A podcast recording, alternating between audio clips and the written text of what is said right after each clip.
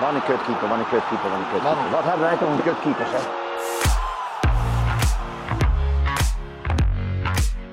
En Sinister gets the penalty. Ja! Stanislav saved it. United again. Maar Drommel pakt hem en hij pakt op de rebound. André Onana. Onana. Welkom bij de Showkeepers podcast. Arjen Heerland en ikzelf Harm Zijnstra nemen je mee in de wereld van de keepers. Deze keer te gast Nick Olij, keeper van NAC Breda. We gaan het hebben over zijn carrière van het Spaanse schoolplein tot onder de lat in Breda. De keeperskwesties van Oranje bespreken we en we hebben natuurlijk ook een mooie ode aan een keeper. Welkom Nick, mooi ja, dat je er bent. Ja, dankjewel. Ja, top dat je er bent, Ja, Nick. dankjewel. Leuk. Hartstikke Zeker. gaaf. Momenteel eh, keeper bij NAC. Ja. Hoe gaat het eh, momenteel eh, in het seizoen? Ja, momenteel eh, staan we nu vierde. De afgelopen weken wat last gehad van corona. Dan merk je ook eh, dat we daardoor eh, eh, qua uitslagen ook wat minder hebben gepresteerd de afgelopen weken. Dus dat is zonde. Eh, maar in het algemeen gaat het goed.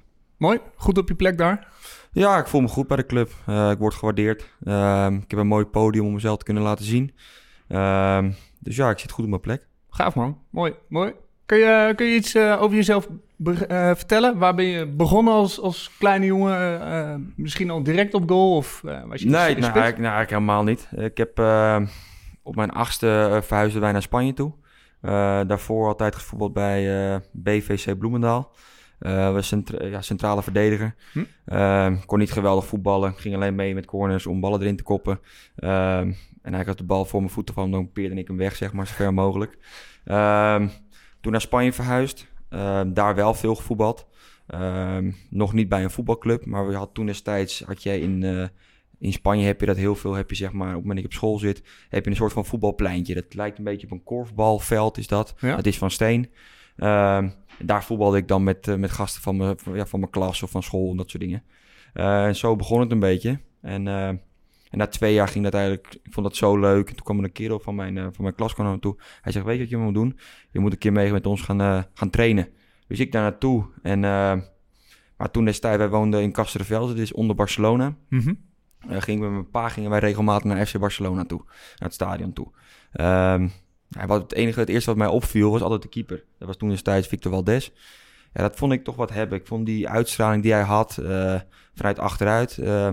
Ja, dat, dat triggerde mij. Dat vond, ik, dat vond ik mooi om te zien. Met al die sterren op het veld. Ja, eh, al die sterren, ja, tuurlijk. Weet je, ja, maar eh, al die sterren op het veld, maar een hele serieuze keeper of Valdes stond wel wat in de goal. Absoluut, Godsamme. absoluut. Helaas Ja. naar Barcelona eigenlijk niet zo'n hele geweldige carrière meer gehad. Maar eh, ja, in zijn hoogtijd daar eh, bij, bij Barça was het misschien wel een van de betere van de wereld. ja, Ik 100%. snap wel dat je oog erop viel, zeg maar. Ja, nou ja, en toen ben ik eigenlijk, eh, toen zou ik eigenlijk eerst gaan voetballen. Maar omdat ik dat zo fascineerde mij zo erg, toen ben ik eh, ja, eigenlijk gaan trainen tijdens een keeperstraining daar. En dat beviel, beviel de club ook. Dus toen ben ik daar eigenlijk begonnen. Eh, toen tot mijn twaalfde, toen zijn we terug verhuisd naar Nederland. Ehm, toen eigenlijk direct eh, gaan voetballen bij Koninklijke HFC. Een, een tal jaren, drie, vier jaar. En toen ging een van mijn beste maten, toen destijds, vertrok toen naar, eh, ehm, naar AZ toe. Nou ja, toen zijn we een beetje in contact gekomen met AZ. En eh, toen ben ik ook naar AZ toe gegaan. Toen werd ik gevraagd voor AZ. Eerst de eerste periode meegetraind. Ehm, ja, en toen eh, mocht ik eh, eh, aansluiten bij eh, eh, AZ onder 17. En zo is een beetje het balletje gaan rollen. Vrij laat, of tenminste, eh, als je tegenwoordig hoort, eh, ja, worden keepers, spelers ook op eh, vrij jongere leeftijd al gescout. Ja. Je hebt een andere route genomen op je 17e bij AZ vanuit de Koninklijke HFC. Ja, 16e. Ik Of kwam 16e, onder ja. 17 terecht. Ehm, hoe was dat? Was dat een hele grote stap? Of, eh, Ja, Ja, het- ja, het ja. Koninklijke HFC, ja, ik weet niet of dat in jouw tijd ook was, maar nu is dat wel, Een serieuze zit er wel in de, in de top serieus, eh, bij jeugdopleiding ook. Ja, want ze spelen zelf tweede divisie. Ja, Eh, dus dat is op zich qua het eerste elftal, dat is ook gewoon serieus. Eh, de jeugdopleiding speelt vaak ook derde divisie Nederland. Eh, klopt. en ook wel gewoon echt, echt, echt hoog niveau. Ehm, ja, hoe beviel mij dat? Ja, natuurlijk is dat een, eh, een- dat verandert volledig. Want je gaat van eh, drie keer in de week, eh, ehm, drie keer in de week trainen ehm, en een wedstrijd op zaterdag. Ga je naar zes keer per week trainen, eh, of soms wel zeven, acht keer. En dan op zaterdag een wedstrijd. Ja, en je bent constant in de weer. Van eh, s ochtends naar de club toe, s middags thuis. Ehm, met school erbij. Dus want dat was je eventjes... woonde toen nog in Haarlem? Ik woonde toen nog in Haarlem. Ik Ja. ging toen vaak op en neer met de trein. Of mijn vader bracht me, of mijn moeder bracht me. Ehm, want er was geen plek toen destijds meer in het busjes, want die was ik te oud voor. Dus ik ging eigenlijk op en neer met, eh, met de trein. Ja, of nogmaals, mijn, eh, mijn ouders brachten me. Ja, een hele investering, ook qua tijd. Ja. Ehm, in jouw tijd bij de Koninklijke, eh, had je keeperstraining? Ging je naar een keeperschool? Deed, deed je iets ook, extra's? eh, nee, ik had één keer in de week had ik keeperstraining. Dat was op maandag. Ja, noem je dat keeperstraining? Ehm, dat was gewoon staan, balletjes, balletjes vangen, balletjes vallen. links en rechts duiken. Maar daar zat niet echt een lijn in. Er was niet echt waar je iets doelbewust mee bezig was. Het was gewoon ballen tegenhouden en eigenlijk niet meer, Ja. niet minder. Ehm, ja, Wel extra aandacht, wel extra tijd, maar eh, als je zegt, nou, inhoudelijk... Ja, ik, eh, het was een mooi moment om veel extra ballen te vangen, maar eh, met name bij AZ misschien echt, pas echt keeperstraining gekregen. ja, daar begon het eigenlijk. Daar begon echt het serieuze keeperstraining. Eh, dat- Dennis Nederlof. eh, ja, Dennis Nederlof hebben wij toen gehad. Nou, die kwam pas later.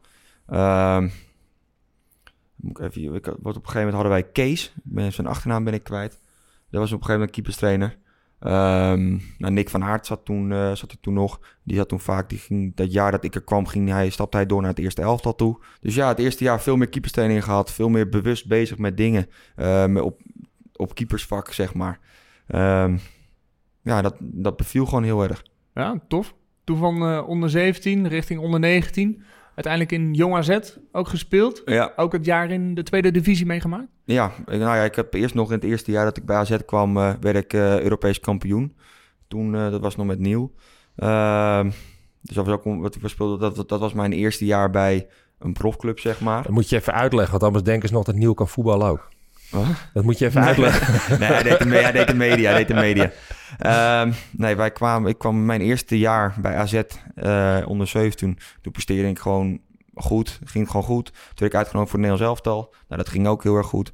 En op een gegeven moment aan het einde van het jaar hadden we een EK. Ehm, en daar mocht ik mee. En daar was ik ook eerst keeper. En, daar, en die wonnen we ook uiteindelijk. Ehm, toen kreeg ik ook mijn eerste contract aangeboden. Die heb ik toen ook getekend voor drie jaar. En toen eigenlijk de hele doorgelopen naar onder 19, twee jaar onder 19. Hm. Toen aansluiten bij Jong AZ. Eigenlijk ging je dus wel... Mega snel Ja, eigenlijk als, alles. Als een raket gewoon. Ja, dat, Ja. dat, dat eerste Amateurs, jaar was super snel gegaan. Ja. Het eerste jaar ging echt... eh, ik kwam aan en eh, ik kon eigenlijk direct wel een contract tekenen. Nou, tenminste, na dat EK. Dat ging vrij, ra- dat ging vrij rap. Ehm, ja, en eigenlijk toen probeerde door te, door te stromen. Alleen ja, dat ging niet helemaal. Maar, maar eh, hebben andere clubs dan zitten slapen misschien in de jaren dat jij bij, eh, bij HFC speelde? Als je zo snel het niveau... Nou, ik denk het niet. Ik denk in de, in de fase waarin wij zaten. eh, kijk, wij, wij werden toen drie jaar op rij werden wij toen kampioen met de. Eh we hadden gewoon een prima team. Maar even omdat mijn beste maat daarheen ging, ehm, ja, is dat balletje toen een beetje gaan rollen. Ehm, ja, en toen kwam ik uiteindelijk bij AZ terecht. Maar dat, ik wilde gewoon die stap maken naar het professionele voetbal. Ja, en ik denk dat AZ daarin wel een goede keuze voor mij was. Dus vandaar dat ik daar Ja? ook heen ben gegaan. En het, dat jaar in de, in de tweede divisie. Ja. Ehm, ja, je komt uit de jeugdopleiding. Eh, tweede divisie is best wel een, een serieuze, maar met name ook misschien wel fysieke competitie. Ja. Eh, hoe was dat voor jullie? Jullie hebben natuurlijk een super jong team. Uiteindelijk vrij gemakkelijk volgens mij kampioen geworden. Ehm, hoe was dat voor jou als keeper om direct die stap te maken vanuit de jeugd? Nou ja, sowieso goed omdat ik eh, kon gaan keepen. Ik had die twee jaar daarvoor had ik eh, weinig gespeeld. Eh, best wel heel erg weinig. Ehm, dus dat was frustrerend voor mij als, als keeper. Maar toen kon ik me weer op gaan pakken. Ik kon weer gaan presteren. Ik kon mezelf weer gaan laten zien. Ehm, maar wat voor competitie was het? Het was nogmaals, het was gewoon, het was gewoon vechtvoetbal. Want je weet gewoon dat het zijn niet de beste teams. Ze zijn geen beste voetballende kwaliteit hebben ze. Maar ze zijn wel duelkracht. Ze zijn wel... ja, ze willen wel alles over. Ze hebben alles over om uiteindelijk te winnen. Ehm, maar uiteindelijk met het team wat wij speelden. We speelden met Teun Koopmeiners, Stankovic. We speelden met eh Calvin Stenks. Speelden we. Uh, Pantelis Hatsidiakos. eh Owen Wijndal kwam er toen aan. Calvin Stenks. Ja, dat zijn spelers die staan, die staan nu allemaal in het eerste elftal. Zelfs in het Nederlands elftal. Dus qua... ehm, eh, hoe moet ik dat zeggen? Ja, genoeg talent. ja, gewoon talent. Daarin waren wij gewoon veel beter. En hadden wij gewoon veel meer kwaliteit op het veld staan. En je merkt ook dat het, het kwam er ook uit. Ja. En Maar denk je dat het een, eh, niet alleen voor jezelf, maar ook voor die jongens eh, waar je het net over hebt, dat het een toegevoegde waarde in hun ontwikkeling geweest is? Want Ik heb zelf ook een aantal jaar, eh, toen heette het nog geen tweede divisie dan, maar dan was de hoofdklas daarin gespeeld. Ik kan me voorstellen, als je daar met een groep jonge jongens mee in de gang gaat, dat, dat is wel bikkelen en eh, je krijgt een zootje schoppen en eh, met, met, met corners word je ja, echt gewoon letterlijk weg, ja, omvergelopen. Denk je dat dat wel... Nee, juist. Ik denk dat het juist goed is. Want ehm, sowieso die tussenstap van, eh, van jong AZ naar het eerste elftal... eh, die is best wel groot. Of vanuit de jeugd naar het eerste elftal. Want je had toen echt serieus veel kwaliteit bij het eerste elftal. Dus je moest die stap van jong AZ moest je mee, moest je, moest je hebben... eh, om uiteindelijk te kunnen doorstappen naar het eerste elftal toe. Om een beetje kwaliteit, verschil... die, zo, die ja, maar zo, zo klein mogelijk te maken... Ehm, dus ja, dat jaar was gewoon ideaal voor ons als voetballers. Voor mij als keeper natuurlijk. Ja, voor, ook voor de spelers die er waren. Eh, ook omdat ik eh ritme kon doen. Ik, ik speelde wekelijks. En dat wist ik ook, want het was van tevoren afgesproken. Ehm, ja, en ik speelde gewoon op een degelijk niveau. Het was, geen, het was misschien geen Jupiler League, maar het was wel tweede divisie. En er werd wel gewoon veel gevraagd. Ja. Weet je, ik heb me goed kunnen ontwikkelen in het keepersvak met uitkomen. Want het was gewoon heel anders dan bij de, dan bij de jeugd. Eh, eh, ballen tegenhouden. Want ballen werden anders geschoten dan eh, het jaar daarvoor of twee jaar daarvoor. Dus dat was wel gewoon voor mij persoonlijk gewoon ideaal om, om een jaar te kunnen ontwikkelen, zeg maar. Ja, mooie, mooie leerschool inderdaad. Ehm, dan de stap naar het eerste elftal. Wie waren destijds eh, jouw concurrenten of wie had je boven je? Nou, in het jaar van de tweede divisie had je toen Esteban. Had je toen, was, was toen de eerste keeper. Ehm Yves de Winter zat er toen nog. Ehm, toen had je in het begin had je nog Hobie Verhulst. Die Ja. zat er toen nog. Ehm, na jaren kwamen op een gegeven moment... eh, had je Maempa, zat er op een gegeven moment. Ehm, en in het laatste twee, drie jaar dat ik echt aanklopte bij het eerste elftal... toen kwam eh Chino Rochet. eh, Ja, ik ben zijn naam kwijt. Ja, Rochet kwam toen. Eh, Gino Coutinho eh, en Tim Krul. ja. Flinke, flinke concurrentie. Ja. Wat heeft er uiteindelijk eh, bepaald, wellicht mede bepaald, dat je nou, niet de stap eh definitief richting het eerste elftal hebt kunnen zetten destijds? Nou, ik had in dat jaar van de tweede divisie had ik een goed gevoel. Want ik, ik, ik speelde wekelijk, ik speelde ook naar mijn mening, speelde ik gewoon goede wedstrijden. Ik was de minst gepasseerde keeper toen destijds. Eh, ik werd op een gegeven moment ik werd toen keeper van het jaar. Ehm, dus ik, voelde bij mezelf dat ik echt serieuze stappen maakte. Eh, het ging in het eerste elftal niet helemaal goed. De keeper had, speelde niet, niet geweldig, zeg maar. Eh, zoals, de jaar, zoals het jaar daarvoor. Ehm, en Gino speelde toen ook niet. Ehm, dus ik dacht, dat wordt mijn jaar. Dit wordt mijn jaar waarin ik mijn kans ga krijgen en hem ook ga pakken, zeg maar. Ja, het zijn niet de keepers Eh, geweest die uiteindelijk eh, geschiedenis hebben geschreven bij AZ. Misschien Esteban Nee. nog een klein beetje met Ja, dat incident Esteban. op dat wou veld. net maar- zeggen, dat is met name denk ik eh, door Ajax uit. Ja, maar het, is niet, eh, het zijn niet de keepers van AZ geweest waarvan je zegt... eh, ehm, ja, die, die hebben echt iets achtergelaten... of die hebben jarenlang een constant niveau gehad. Nee, maar ik vond ze bijvoorbeeld op trainingen waren ze wel bizar. Wie met name? Wie vond ja, je echt... eh, allebei. ja? Eh, Rochet was in het, in het blokken, in het ballen tegenhouden. Echt bizar. Echt zo, zo goed. Eh, en Gino Coutinho ook. Weet je, zijn afzet was echt bewonderingswaardig. Die, die sprong vanaf de, de, andere, de ene paal naar de andere paal gewoon lachend. Dus eh, het was ook weer mooi voor mij om toen destijds van die gasten juist dingetjes mee te nemen. Dingetjes te leren. Gooi allemaal in je rugzak. Ja, dat gooi je allemaal in je rugzak. Maar ja, uiteindelijk, eh, om terug te komen, ja, waarom ben ik nooit doorgebroken? Ehm, toen destijds in december eh, ehm, was toen de wintertransfer, had je toen. En toen, eh, toen dacht ik echt van dit wordt mijn kans, dit wordt mijn... dat, dat voelde ik. Nou ja, misschien voelde ik dat zelf Ja? alleen. Je was inmiddels tweede keeper? Ja, nee, ik was Derde toen keeper? nog, nee, ik was toen nog eh, derde keeper achter, eh, achter Coutinho en achter eh Rochet. Ja. Alleen voor mezelf had ik echt het gevoel van, nou, ik presteer goed op trainingen. Ik speel bij een tweede divisie, speel ik ook, hou ik mijn niveau. Dus ik denk, dat wordt, het wordt mijn kans wel. Nou ja, nogmaals, kijk, dat voelde ik zelf. Ik weet niet of de trainers het ook voelden, dat, dat weet je niet. Ehm, en toen haalden ze de laatste dag, haalden ze toen Tim Krul binnen. Ja. Dus toen wist ik van, dit gaat niks meer worden voor mij, eh, dat jaar. Ehm, dus ja, Dat, eh, hij kwam op huurbasis hij kwam op huurbasis vanuit eh, Ajax toch, denk ik? Ajax. Ja. Ja. Hij zat toen bij Ajax toen, eh, toen destijds. En eh, was u- uiteindelijk ook het jaar, geloof ik, dat, je, dat AZ de bekerfinale haalde, als Ja. ik het eh, goed herinner. ja. En verloor. En verloor. ja, Ehm, Dus die Toen- bal bij de eerste paal, wat was het? Vitesse? Die Vitesse verkeerd Ja. Vitesse, ja. ja. uiteindelijk eh, bleek, bleek voor jou dus van, nou oké, hier liggen niet mijn kansen. Was dat ook direct al het moment dat je eh, nou, wellicht verder ging kijken? Uiteindelijk ben je naar... eh nou, ik heb dat jaar daarna heb ik nog steeds bij de club gezeten. Want toen eh, promoveerden wij naar de, de Jupiler League. Ja, Dus het vond ik nog steeds een ideaal podium voor mij om te kunnen, eh, te kunnen ontwikkelen. eh, om mezelf te kunnen laten zien. Ehm, om uiteindelijk daardoor wel die stroom, ja, die doorstroming te pakken naar het eerste elftal toe. ja weer een om uiteindelijk over. weer Ja. een stapje omhoog. Om uiteindelijk wel... Ja, en dat gat die- wordt kleiner. Ja, dat gat natuurlijk. wordt kleiner. Eh, eh, om wel een keer die stap te maken naar het eerste elftal toe. Om wel een keer die stap te maken naar eerste keeper. Ehm, en toen kwam Marco Bizot. Ja. eh, toen destijds. Ehm, nou, ik vond van mezelf dat ik had bij de, bij de Jupiler League geen geweldig jaar. Eh, de eerste zes, zeven wedstrijden gingen wel goed. Haalde ik wel mijn niveau. Of de eerste vijf wedstrijden. Maar daarna ging het niet heel goed. Eh, vond ik van mezelf als ik kijk naar de afgelopen twee jaren. eh, waarin ik heb gepresteerd. Dit jaar, vorig jaar en het jaar daarvoor bij Top Os. Ja, vond ik dat wel een van mijn, mijn mindere jaren.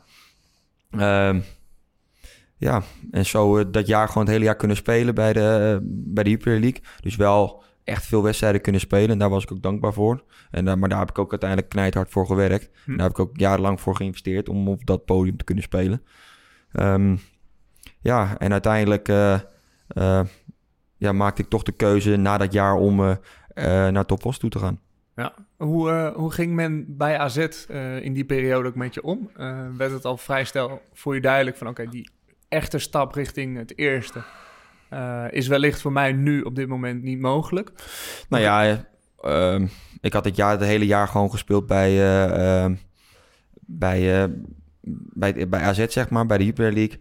Ehm, en toen op een gegeven moment eh, in de laatste, laatste fase van, eh, van het jaar ehm, kwam toen uh, Rode de Boer een beetje te sprake bij allemaal clubs. En ook bij AZ.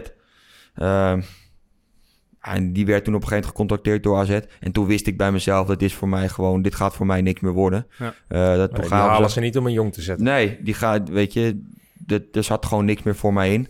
Eh, toen destijds, ik, kon wel blijven, ik kon derde keeper worden, want ik was belangrijk voor het team. Eh, in de zin van op trainingen was ik, ja, ik ben bloedfanatiek, dus ik kan, in trainingen kon ik wel het verschil maken met eh, de manier hoe ik coachte. En ik, ik, weet je, ik deed altijd wat er van me gevraagd wordt. Ehm, alleen ja, ik vond dat niet bij mij passen. Ik, ik wilde niet meer blijven staan, ik wilde, ik wilde door, ik wilde geen derde keeper meer worden. Meer blijven, zeg maar. Ehm, en toen kwam Topos. Nou ja, dat was voor mij, eh, eh, voor mijn ontwikkeling ehm, op jezelf te gaan staan. Ehm, eerst keeper worden bij een, eerst bij een, bij een elftal ehm, was ideaal. Omdat je dan ook een keer ervaart eh, hoe het is om buiten je vertrouwelijke omgeving te zijn. eh, en hoe, hoe het is om daar te presteren. Ehm, ja, ik voelde, het voelde voor mij als een zijstap om vervolgens weer twee stappen vooruit te maken. Ja, en zo is het uiteindelijk ook gebleken. Want ik heb mezelf kunnen ontwikkelen. Ik kon mezelf. Ik heb denk ik, dat was een van mijn betere jaren die ik sinds onder 17 heb gehad. eh, bij Toppos. Ik, ik, ja, ik speelde gewoon wekelijks, haalde ik gewoon mijn niveau. En Je ging op, Vaak eh, wel- op huurbasis ook. ja, op eh, huurbasis. En ik, ga, ik ging vaak ook nog wel boven mijn niveau. Dus dat gaf mij gewoon echt een gevoel van... Hey, weet je, jarenlang kunnen investeren bij de club als AZ. geleerd van al die keepers die er hebben gezeten. Ehm, ja, en vanuit daar eh, eh, eh, ja, gewoon een jaar lang goed kunnen presteren. En toen eh, een stap naar NAC gemaakt. Ja. Ik, ik snap die stap wel. Zeker ook hoe je hem zo uitlegt. Dan, eh, Ja, maar ik zou het ook bij iedereen ook aanraden. Ehm, zeker bij jonge gasten. Eh natuurlijk is het geweldig om bij een club als bij AZ, Ajax, Feyenoord, PSV eh, te zitten als tweede, derde keeper. Dat snap ik allemaal heel goed.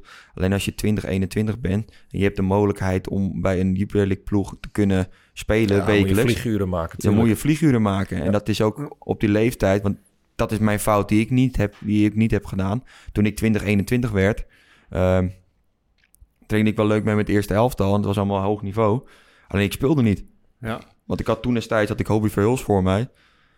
Ja, die speelde alles. Of als Hobby niet speelde, dan speelde Yves de Winter.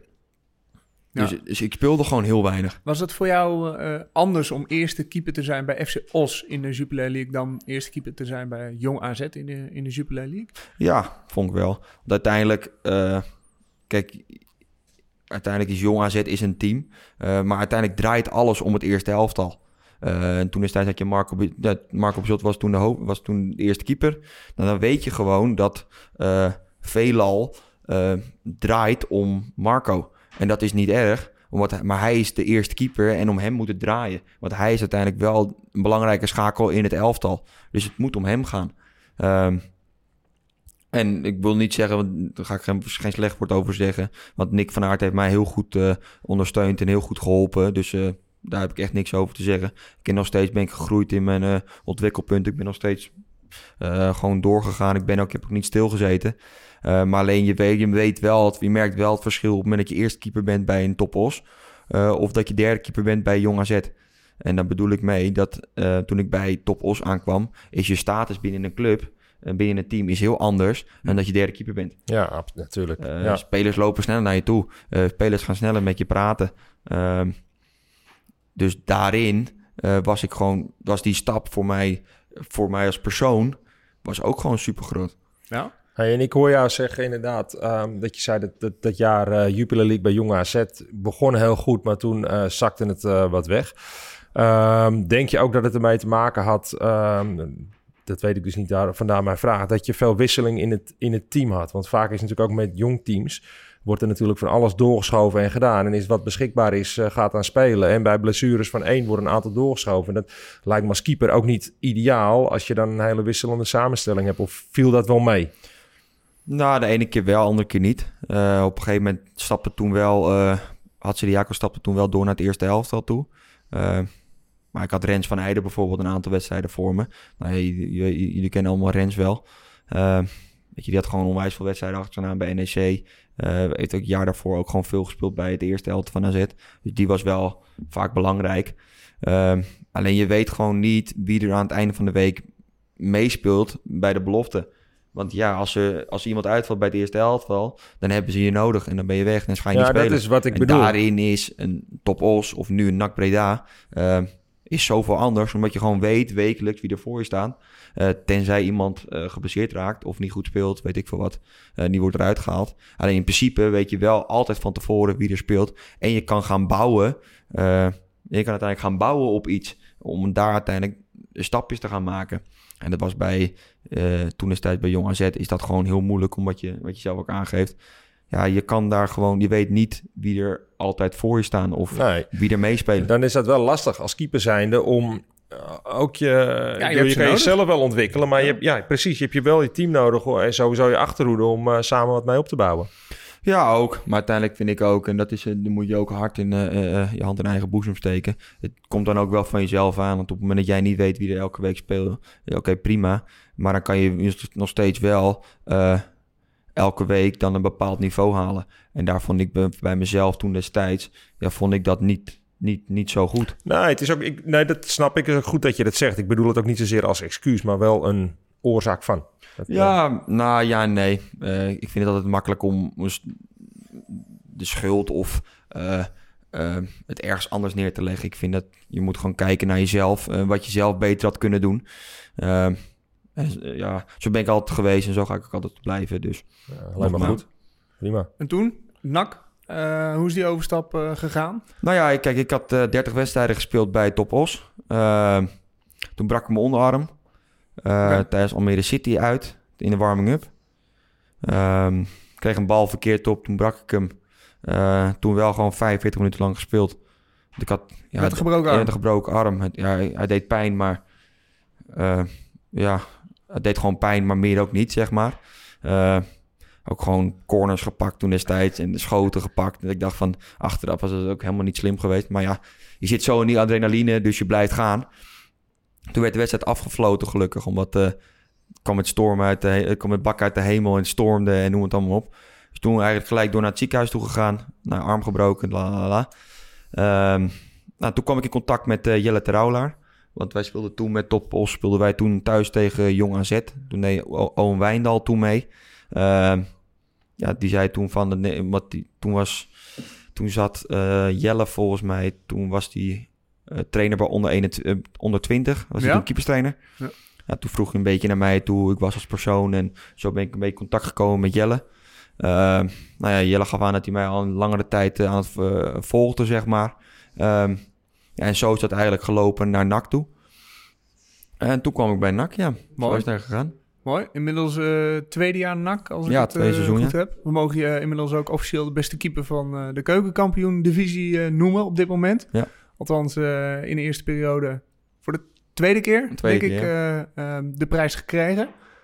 Ehm, als, jij, als je naar jezelf zou kijken, als je jezelf mag scouten, wat voor keeper zie je dan? Hoe zou je jezelf omschrijven? Ja. Ehm, ja, dat is zo, zo moeilijk is dat.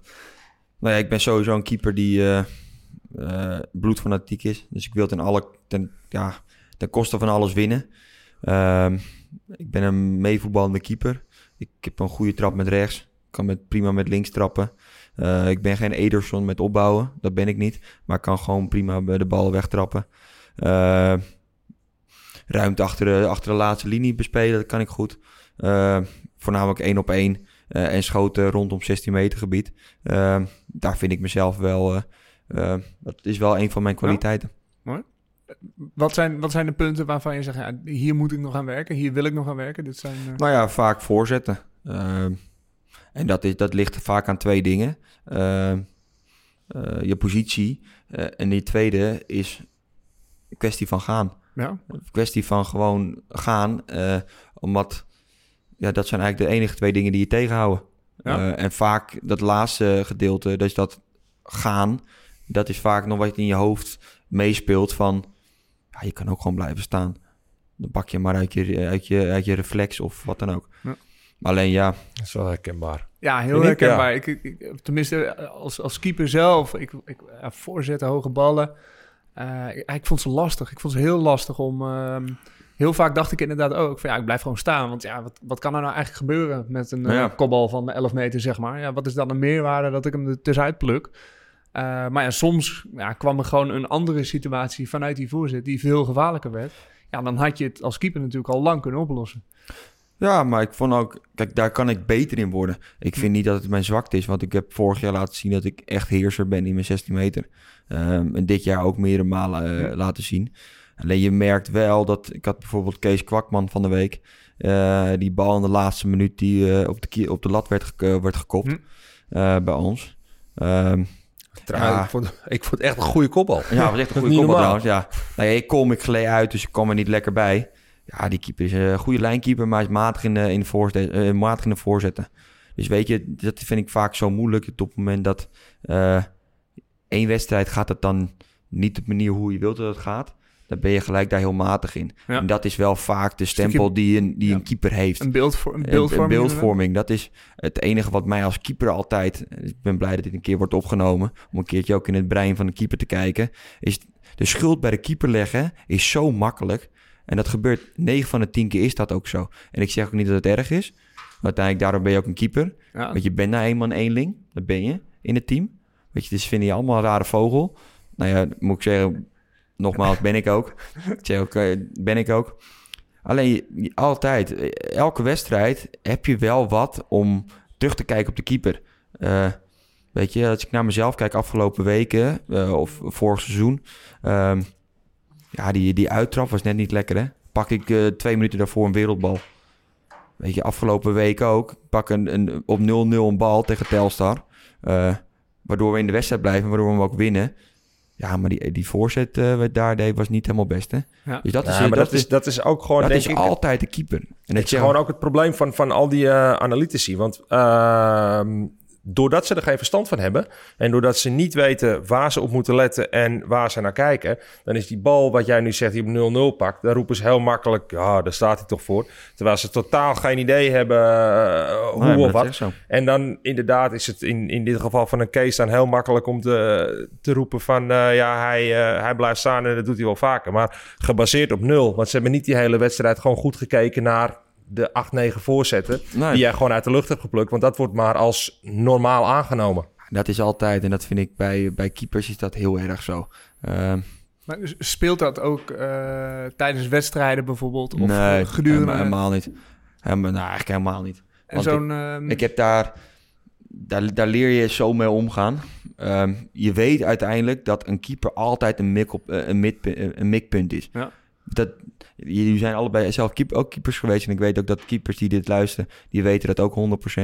Keepers zijn altijd... Bij eh, elke goal wordt er toch standaard de- bij even elke gekeken. goal, van- we kregen op een gegeven moment goal tegen tegen Almere City. was een schot bij de 2-0. Had hij daar niet meer kunnen doen. Weet je, je krijgt altijd krijg je hem terug van... ehm, had je daar niet meer wat kunnen... Als je nou nog één stapje had gezet, had je hem dan kunnen hebben? ja. Ja, weet je, dat is helemaal niet erg, omdat dat, dat doet mij niks meer. Ehm want ik weet van mezelf eh, of ik die, bel, die bal wel of niet had kunnen hebben. En als ik hem had kunnen hebben, ben ik ook vaak de eerste die, die toegeeft eh, dat ik hem had moeten hebben. Dus daarin ja, maak ik me daar eigenlijk Ja. helemaal niet zo heel veel druk over. Maar toch altijd die stempel die een keeper heeft. Weet je, eh, Marco Bizot, Nederlands elftal. Speelt echt een goede wedstrijd, vind ik. Maar je hoort wel, ja, die eerste bal had hij moeten hebben. Ja. Je wat ik bedoel? Ja, zeker. In de, in de rust eh, hoorde ik Van Hooydonk en Van der Vaart daar eh, direct over, over spreken. Ehm, maar bijvoorbeeld ook, hè, je zei van nou, bijvoorbeeld die, die voorzetten, dat is nog iets, eh, ja, daar wil ik nog beter in worden. ja. Positie kiezen, een keuze, keuze maken van gaan of niet gaan. Ja. Uh, Op welke manier en met wie ben je daar mee aan de slag? Is dat iets wat bij jezelf speelt en waar je zelf op let? Of, of, Nou ja, kijk, uiteindelijk ben je zelf verantwoordelijk in de wedstrijd of je, ga, of, je- of je komt of niet. Hm. Want er is geen keeperstrainer die achter je staat van ja, je moet nu gaan. Dus de keuzes maak je zelf. Alleen tijdens trainingen kan je daar wel mee bezig zijn. En dat ben ik ook. Ik ben met de keeperstrainer, maak, nu, maak je nu een bepaald plan. eh, van waar ga je aan werk voor de aankomende periode. Ehm, en dat is het daaraan. Dus dat is uitkomen tijdens voorzitten. Ehm, en dat betekent niet dat, eh, omdat dat een van mijn ontwikkelpunten is, dat ik daar nu negen maanden lang mee bezig ben. Maar helemaal niet. Het is gewoon bepaalde dagen in de week. Eh, pak je die momenten dat je voorzet gaat, gaat trainen. Dat je, positie, op, je- dat je op je positie gaat letten. Ja. En dat doe ik veelal met de keeperstrainer. eh, met, eh, met poppen. Ehm, eh, eh, je eigen positie daarin aanpassen bij de pop. Ehm, ballen indraaiend, uitdraaiend. strakke ballen, lage ballen. Ehm, Ja. Dus zo probeer je een beetje te gaan kijken hoe en wat. Daar ligt dus dan wel extra focus op, zeg maar, gedurende een week. Om uiteindelijk nou, die keuzes in een wedstrijd eigenlijk makkelijker te maken. Ja, omdat je denkt van hoe vaker je op traint, uiteindelijk hoe beter je erop wordt. En dat is eh, een van mijn kwaliteiten, vind ik, blokken. Hm. Eh, dat hebben we met, toen destijds met eh, Nick van Aert heel veel gedaan. Ah, dan merk je wel dat je daarin, dat kon ik goed. Ehm, maar met Jelle Terouwlaar bijvoorbeeld vorig jaar, werk ik daar nog beter in. Ben ik er nog meer, ehm, gingen we daar nog meer de diepte in en werk daar nog meer in gespecialiseerd. Ja. Ik wil niet zeggen dat ik daar, dat ik daar de allerbeste in ben, helemaal niet. Maar dat, dat, werd, wel een onderdeel van de manier hoe ik keep, zeg maar. Ja, we hebben nu eh, ook al een aantal keeperstrainers voorbij horen komen. Eh. Nick van Aert, eh Traula. Momenteel heb je Babels, denk Babels. ik. Bij Os had je Ehm, Wim Rib ja, Wim Ribbens. Ja. Ehm, is het, eh, is het eh, als je eentje eruit mag lichten van, nou, hier... Nou ja, lichten vind ik moeilijk. Want ik, omdat ik eh, mijn keeperstraining die ik nu heb, ga ik daar niet in, in, in onder Eh, ik vind wel dat dat gesprek heb ik vaak met, eh, met Wim Ribbens gehad.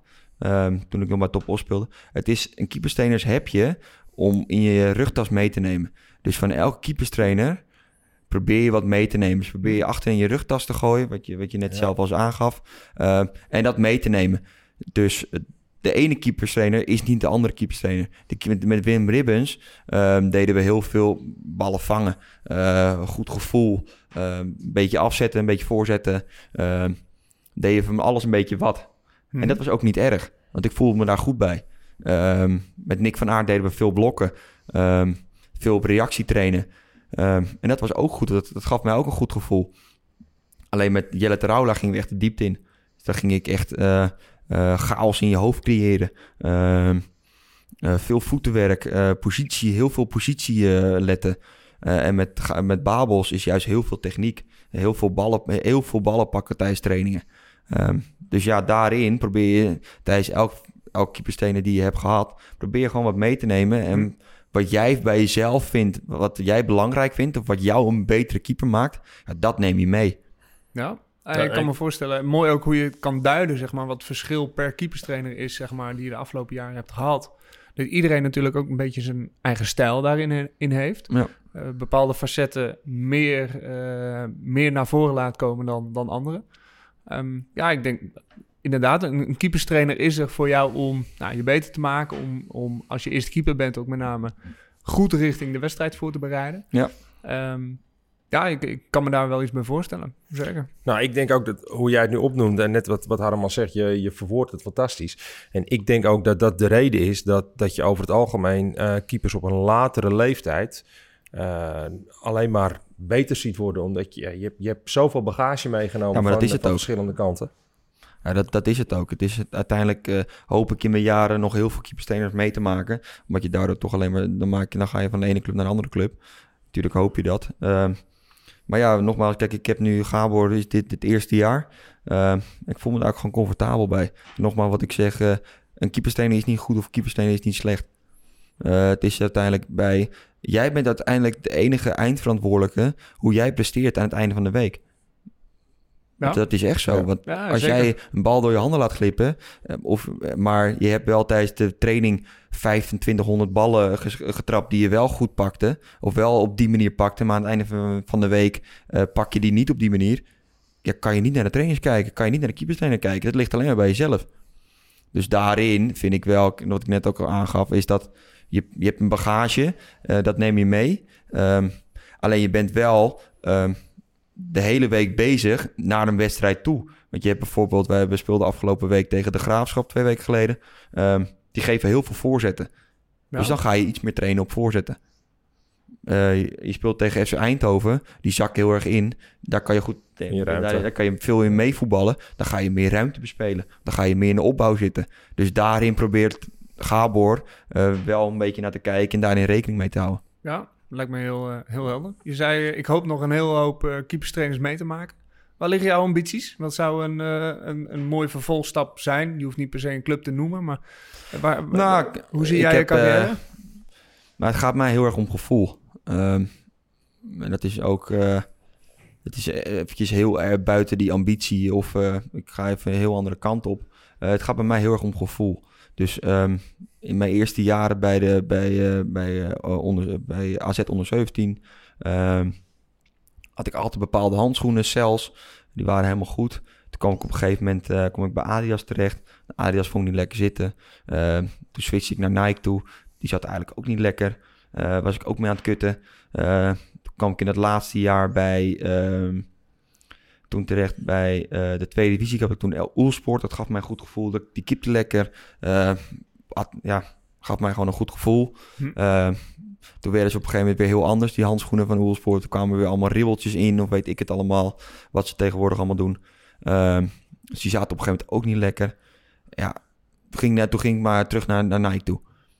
Ja, en dat is als één ding wat ik wil meegeven aan, weet niet wie dit allemaal luistert, is dat zorg ervoor dat, je, dat de kwaliteit van je handschoenen altijd goed is. Dus zorg, ga niet naar de uitstraling kijken. Ga niet doen, ga niet kijken van eh, een fotootje kijken van hey, eh, rood op rood. Dat zag er echt geweldig uit. Dat, dat is echt het beste. En dat is wel bij, bij mezelf zeg gevoel. Het, het laatste jaar, ik keep nu drie jaar met eh, Ronald Waterhuis handschoenen. Ik wil niet eh, handschoenen promoten, helemaal niet. Maar die geven mij gewoon een bepaald gevoel van... ik ga nooit terug gaan kijken nu op van... ja, mijn handschoenen waren niet goed. Ja. Of eh, nee, de, die vingertop, nee, die was niet lekker. Daar, daar ligt het aan. Weet je, je, alleen maar naar jezelf kijken. Met name het gevoel dus, eh, om het bruggetje weer terug te maken, Ja. ook richting je, je carrière. Dat laat je voorop staan, ook nou, in een keuze richting ja, ja, gevoel. En ja, ik ben niet meer alleen. Eh, weet je, mijn zoontje is geboren. eh, mijn vrouw is er. Ehm, dus als wij een keuze maken, dan maken we die ook met z'n allen. Ehm, ja, zo sta ik erin. Weet je, ik ben nu 25. Op het moment dat je 20 bent of 21 of misschien nog jonger bent... ehm, liggen je ambities misschien hoger dan, dan die van mij op dit moment. Hm. Kijk, ik wil heel graag in de Eredivisie spelen. Want ik wil mezelf kunnen laten zien op dat, op dat platform. Eh, ook om voor, eh, voor mezelf om te kunnen zien van... eh, is dit mijn top? Eh, of kan ik na de Eredivisie misschien nog een stap maken? Dus Ja. daarin ligt mijn ambitie. Kijk, ik ga niet naar een PSV, Feyenoord en Ajax of wat dan ook. Dat is, dat is helemaal niet reëel op dit moment. Mhm. Dus dus zo moet je ook kijken. Eh, weet je, dan ga je meer naar de rechte rijtjes van de Eredivisie ga je kijken. Van op het moment dat je daar heen komt, daar kan komen... en je presteert daar naar behoeven... of je speelt daar juist beter...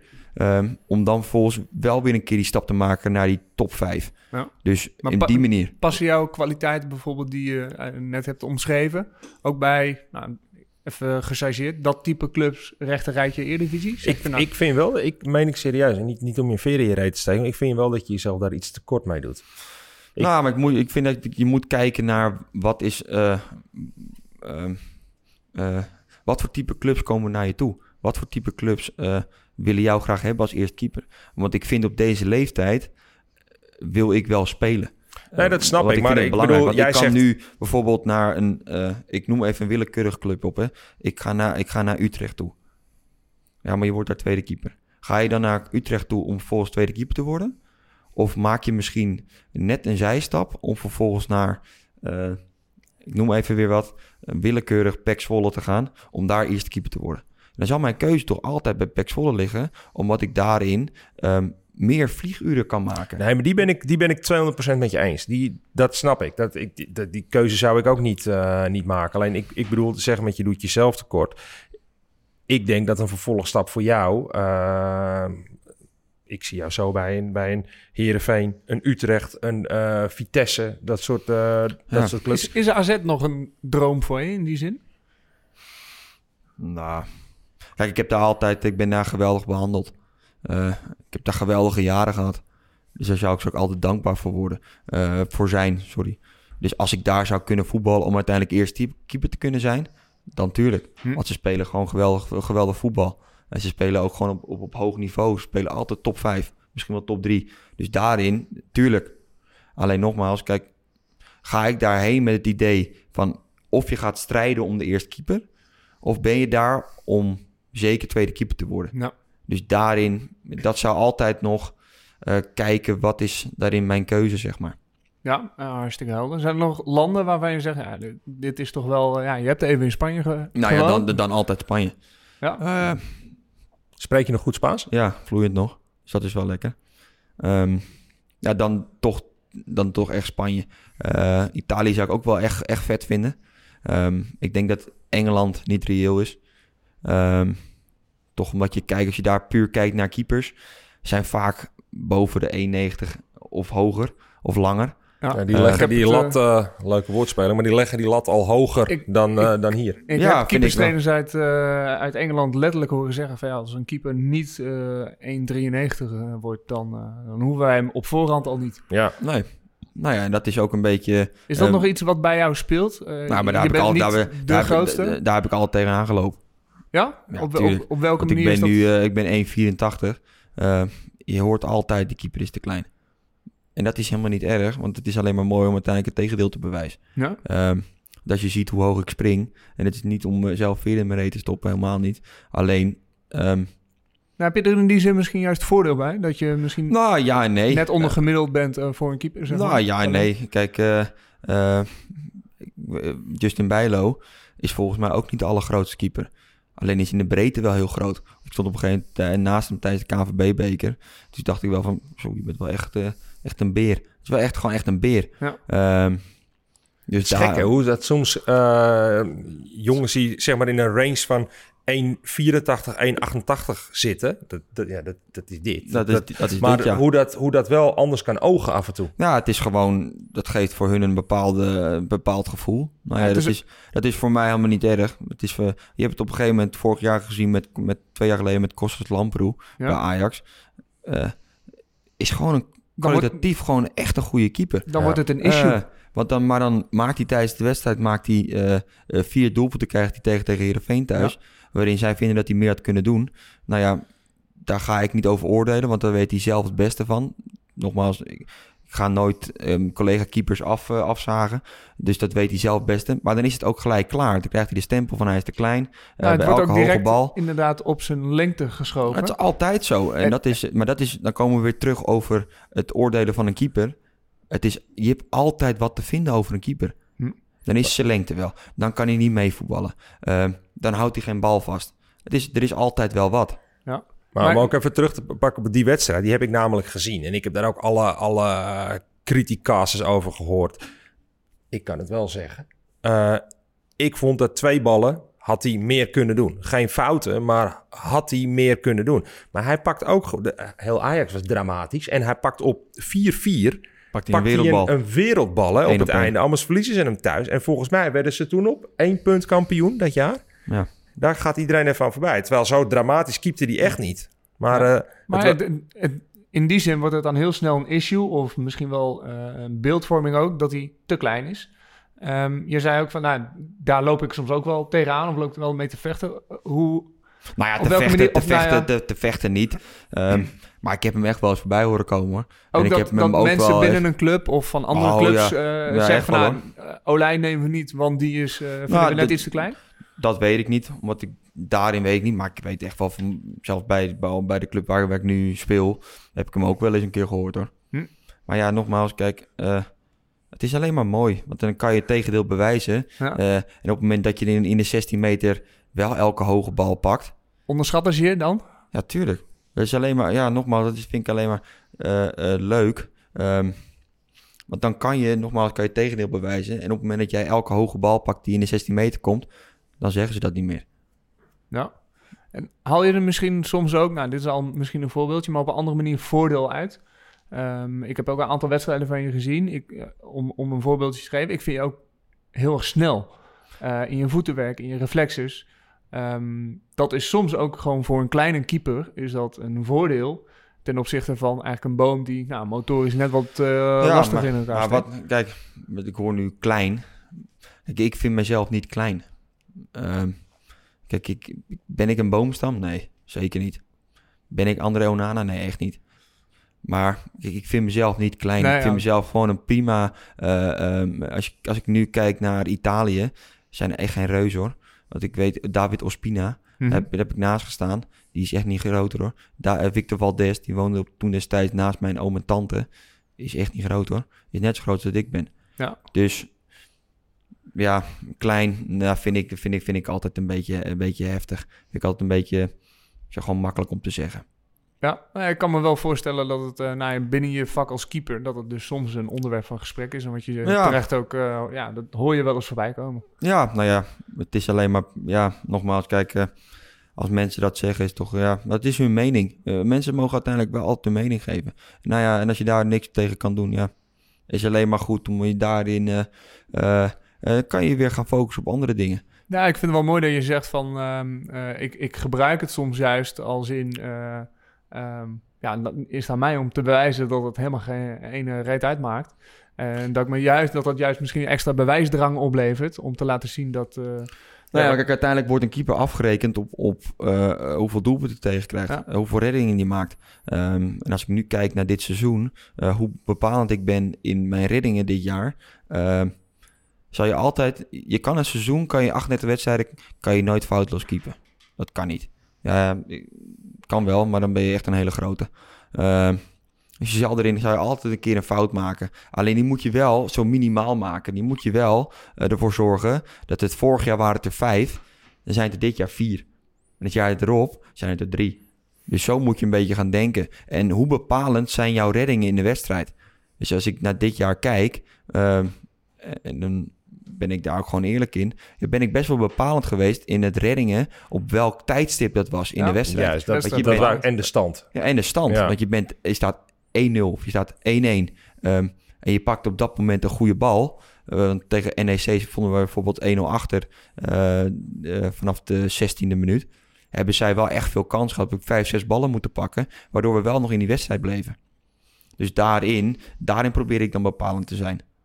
Dus ja, ja, absoluut. Ja, weet je, eh, Kwaliteit boven alles. ja, maar- Uiteindelijk... eh, uiteindelijk ben ik keeper om ballen tegen te houden. Eh, en daarin moet ik ook bepalend zijn. Ja, absoluut. Ik wil een, ik wil een klein sprongetje maken richting eh, het Nederlands elftal, Ja. Oranje. Ehm, ja, deze podcast wordt opgenomen in november. Er is veel te doen geweest eh, ehm, ja, rondom de keepers van, van Oranje. Tijdens de Interlands eh, tegen Spanje, Bosnië en Polen. Sillissen geblesseerd, Zoet geblesseerd. Wordt al bijna niet meer eens genoemd, eh, valt me ook op. Bijlo werd geselecteerd, is ook eh, geblesseerd afgehaakt. En eh, inmiddels eh, ja, staan, staat Krul op o- tussen de palen. Heeft Bizot een wedstrijd gespeeld en heeft Joël Drommel zijn debuut in de selectie gemaakt. En ik ben wel even nieuwsgierig, Nick, Arjen. ja, hoe kijken we naar het komende EK? Maken we ons zorgen wat betreft keepers? Arjen? Nou, nee ik, nee, ik maak me niet zorgen. Ehm, tenminste, in die zin. Kijk, eh, we moeten nou eenmaal gewoon accepteren dat, dat, dat we op dit moment eh, eh, geen uitgesproken nummer 1 hebben als hoe dat bijvoorbeeld jaren met een Van der Sar geweest is. Of zeg maar hoe we in 2010 destijds Stekelenburg hadden. Wat destijds toen gewoon de, de absolute duidelijke één. nummer 1 was. Dus ehm, in, ja, in die zin is dat zonde dat, dat die er nu niet is. Maar om nou te zeggen zorgen maken, dat, dat, ja, dat vind ik wel een hele zware. En eh, ja, om even antwoord te geven ook op het, op het, op het eh, rijtje wat jij net aangeeft. eh, denk ik wel dat wat er nu beschikbaar is, gezien ervaring, niveau waarop gespeeld wordt en dergelijke, dat Krul voor dit moment wel de meest logische keuze is in, eh, in mijn ogen. En richting het EK, wie zou je opstellen als je keeperstrainer bent van Oranje? Krul. Ik Ja? denk Krul, ja. Ja, ik... ehm, ja, wat ik zeg, kom ik ook weer met een stukje ervaring om de, om de, om de hoek zeilen. Eh Sillissen, die is, wat ik me heb laten vertellen, vier maanden eruit. Nou, dan moet je maar afwachten eh, hoe die die terugkomt en of die überhaupt nog aan spelen toe gaat komen. Nou, als hij dat bij zijn club niet gaat doen, dan, dan heeft die jongen bijna een jaar niet gespeeld.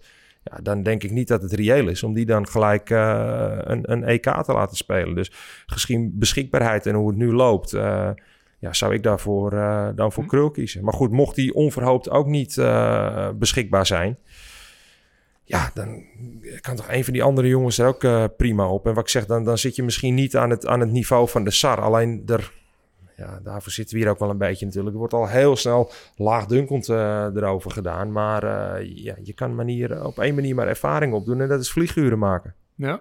Nick, hoe kijk jij eh, naar Oranje en Ja. het EK? Nou ja, ehm, als ik naar de toekomst kijk, dan denk ik dat Bijlo en eh Jawel Drommel wel de twee keepers zijn voor de toekomst toe. Ehm, maar op dit moment, eh, als ik kijk naar de afgelopen wedstrijden van Jasper Sillissen, eh, voordat hij geblesseerd raakte, eh, ook al speelt hij misschien niet bij zijn club, vind ik dat hij gewoon wel gewoon goed niveau haalt. Ehm, Zou jij hem opstellen op het EK?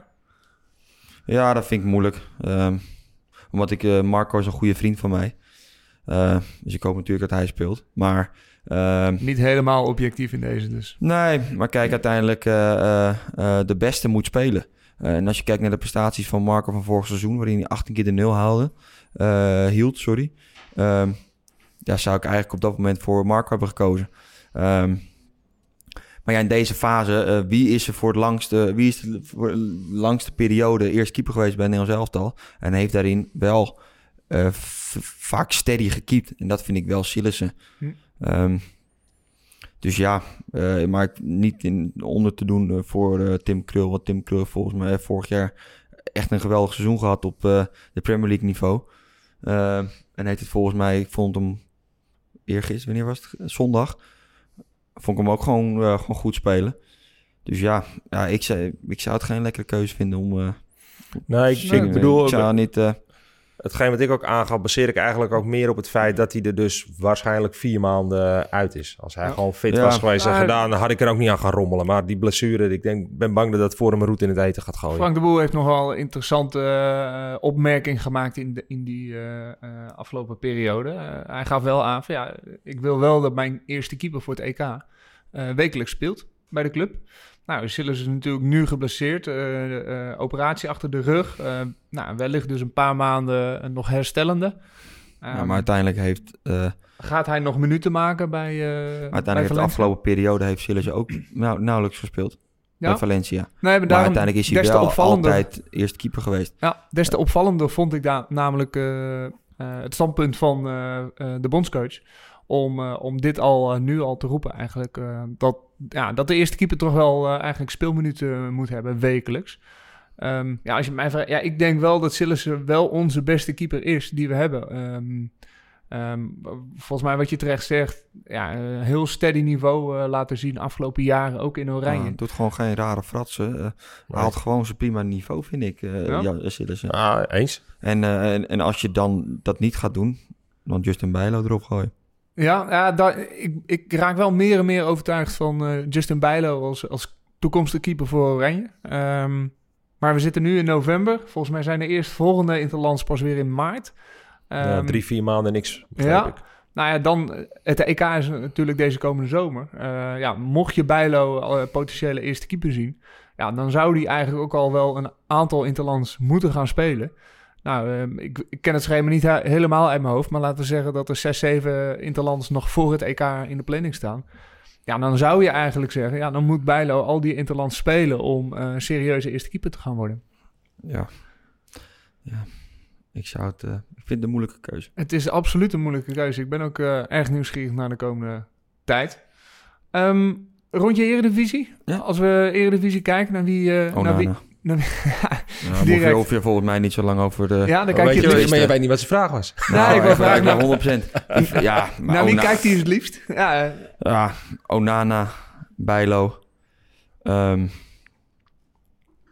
Onana, ja, Onana, Bijlo. En dat zijn eigenlijk de enige twee eh, die voor mij eruit springen. Ja. vind ik daarin eh, Marco en Joel vind ik daar ook wel eh, die daarbij komen.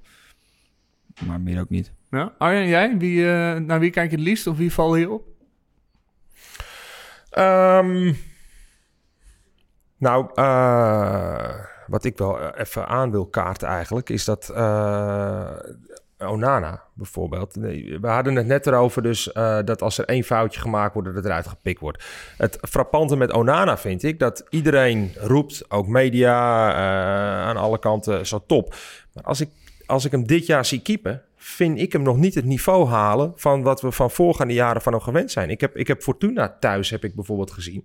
Ik vind gewoon dat hij, dat hij aantoonbaar schuld heeft aan beide goals. En nou kan dat gebeuren. Ik bedoel, dat eh, iedereen hè, kan, eh, kan een foutje maken.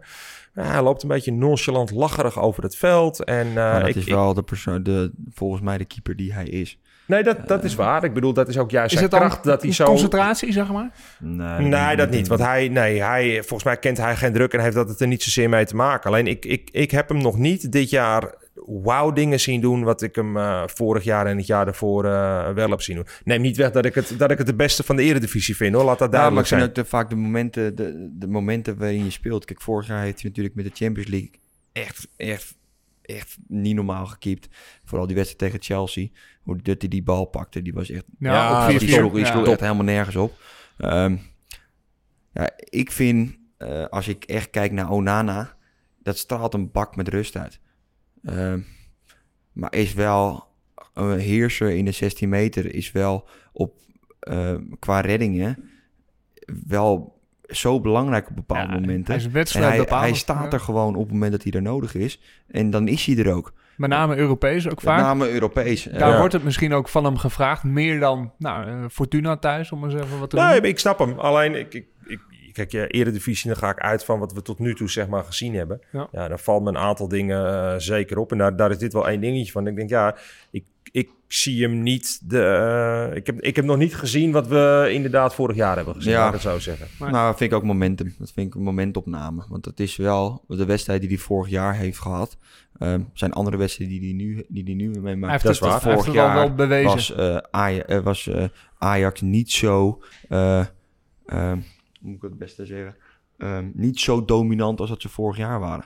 Klopt. Eh, sorry, ze zijn dit jaar veel dominanter dan dat ze vorig jaar waren. Dus dat zijn ook weer andere momenten. En daar komt, hij krijgt bijvoorbeeld nu, krijgt hij 1, 2 ballen per wedstrijd. En vorig jaar kreeg hij er 4 of 5. Ja, als je daarvan 4 pakt, dan speelt hij vaak wel een goede wedstrijd. En als je nu van de twee ballen er één ingaat, dan is dat vaak wel weer anders. Omdat je maar twee momenten hebt om jezelf te kunnen laten zien, zeg maar. Ehm, maar ja, dat, dat daar gelaten. Maar nogmaals, eh, ik vind Onana een van de... Nee, niet een van de beste keeper van de, de Wat mij betreft ook kop en schouders eh, in de Eredivisie. Wat Ja. mij verder nog wel heel erg eh, opvalt... en dat zal ongetwijfeld ook met het coronaseizoen te maken hebben... maar we hebben al 28 keepers in actie gezien in de Eredivisie. Veel wisselingen geweest, blessures geweest. Ook veel eh, tweede keepers hebben een kans, kans gekregen. Derde zelfs. Als Derde we bij Heracles de derde keeper Ja. doen. Ja. Komt hij niet Maar- de AZ vandaan, die jongen? je jeugd bij eh, AZ. Ja. Ja. Niet per se uit Ja. wilde natuurlijk. Twee, twee eerste keepers geblesseerd. Niet, eh, dus niet Hij eens... heeft het wel goed gedaan. Absoluut. Pakt een goede penalty hoor. Ja. Ja, en ehm, ja, dus ik ben wel benieuwd of wij eh, dit seizoen misschien wel een record aantal keepers in actie gaan zien. Omdat het, eh, ja, eh, elke week is bijna, ik wil bijna zeggen, een loterij eh, wie, er, eh, wie er op het veld staan. Dus ook onder de lat staan. Maar het is niet alleen corona, hè. er zijn ook gewoon een aantal jongens gewoon echt gepasseerd. Ja, absoluut. Uh, Kozelev gepasseerd, uh, Van Leer gepasseerd.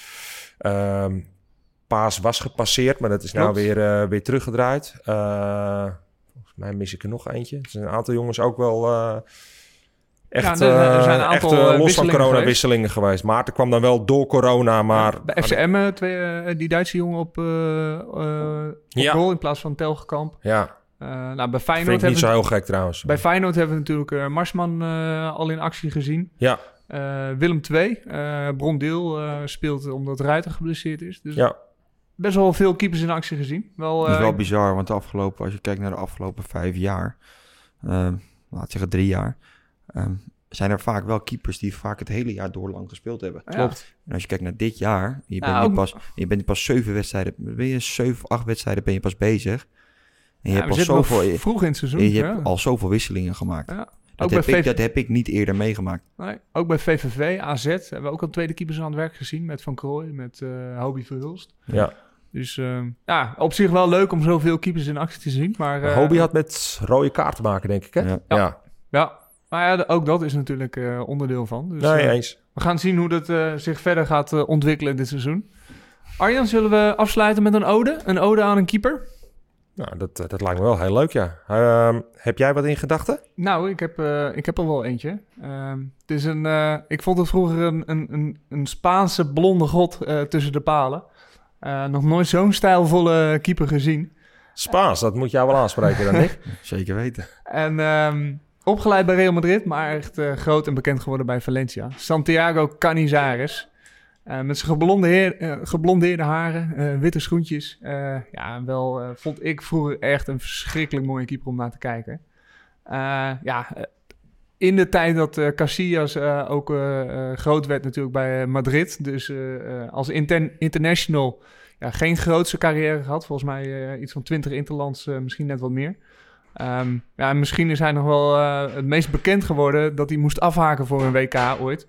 Omdat er eh, een parfumflesje, hij een parfumflesje op zijn eh, voet liet vallen. En daarmee wat peesjes afscheurde. Tijdens een trainingskamp voor, voorafgaand aan een, aan een WK. Maar ik vond het zo'n enorme mooie keeper om te zien. En dat inspireerde mij. Ik ben er by far niet, ook qua stijl niet in de buurt gekomen. Maar het was wel een, ja, voor mij een, een, een inspiratiebron om, om, om te zien dat het eh, ja, ook op die manier kon. In Nederland kennen we natuurlijk Van der Sar. Nou ja, als we hem qua stijl, qua, qua manier, eh, als we die naast elkaar zetten, is dat natuurlijk een wereld van verschil. Ehm, ja, volgens mij hij heeft zijn hele leven bij eh, Valencia zo'n beetje gespeeld. Totdat onze nou, voormalig bondscoach Koeman langskwam. En die, die moest hem eigenlijk niet meer. Dus een contract af, ja, ontbonden. Eigenlijk een beetje een treurig einde van zo'n mooie carrière. Hij heeft gewoon twee keer in de Champions League finale gestaan. Beide keren overigens wel verloren. Eh, en het beeld wat, bij, wat mij nog echt wel bijstaat van, die, eh, van een van die finales is eh, Oliver Kaan. Die volgens mij de winnende penalty redde. ehm, en niet opging in de, in de ju- juichende menigte van, van Bayern-spelers. Maar eerst naar Canizares ging. Die op zijn knieën te huilen lag na die verloren fin- finale. Ehm, ja, absoluut eh, een, een, een ode aan eh, Santiago Canizares. Want het eh, was voor mij echt wel een, een, een, een keeper waar ik heel graag naar keek. Ik vond hem altijd gewoon eh, hoe hij er stond, blonde haren, Ja, witte Adidas handschoenen, ja witte schoentjes aan. witte schoentjes aan, captain. Ja, ik vond het wel een held hoor. En qua uitstraling, ja, We hadden ook een beetje een Nederlandse versie eh, eh, van hem, hè? zeker. Ja, Harold weet het- Wapenaar. ja, juist. Harold Wapenaar was een beetje een Nederlandse canizaris vond ik Ja. altijd. Ook een beetje geblondeerde haren, tuitje in zijn haar, net wat, net wat lange haren. Maar die keepte ook vaak in het wit. Die was vaak Ook in het helemaal in het wit. witte schoentjes. Ja, Ja, ja, ja, mooi ja. hoor, wit. Ja, Ja. ik, eh, ik verdenk hem ervan dat hij in de rust nog een nieuw eh schoon tenuutje, eh, bij elke wedstrijd aantrok. Misschien kunnen we het een keer vragen. We gaan, het, eh, we gaan het doen. Bedankt voor het luisteren naar de aflevering van de Showkeepers podcast. De podcast die verder gaat dan de standaard, standaard clichés. Heb jij nog tips wie je te gast wil hebben in de podcast? Of heb jij een mooie ode aan de keeper die we mogen voordragen? Laat het ons vooral weten via Twitter, Harm en Arjan Heerland. Tot de volgende keer.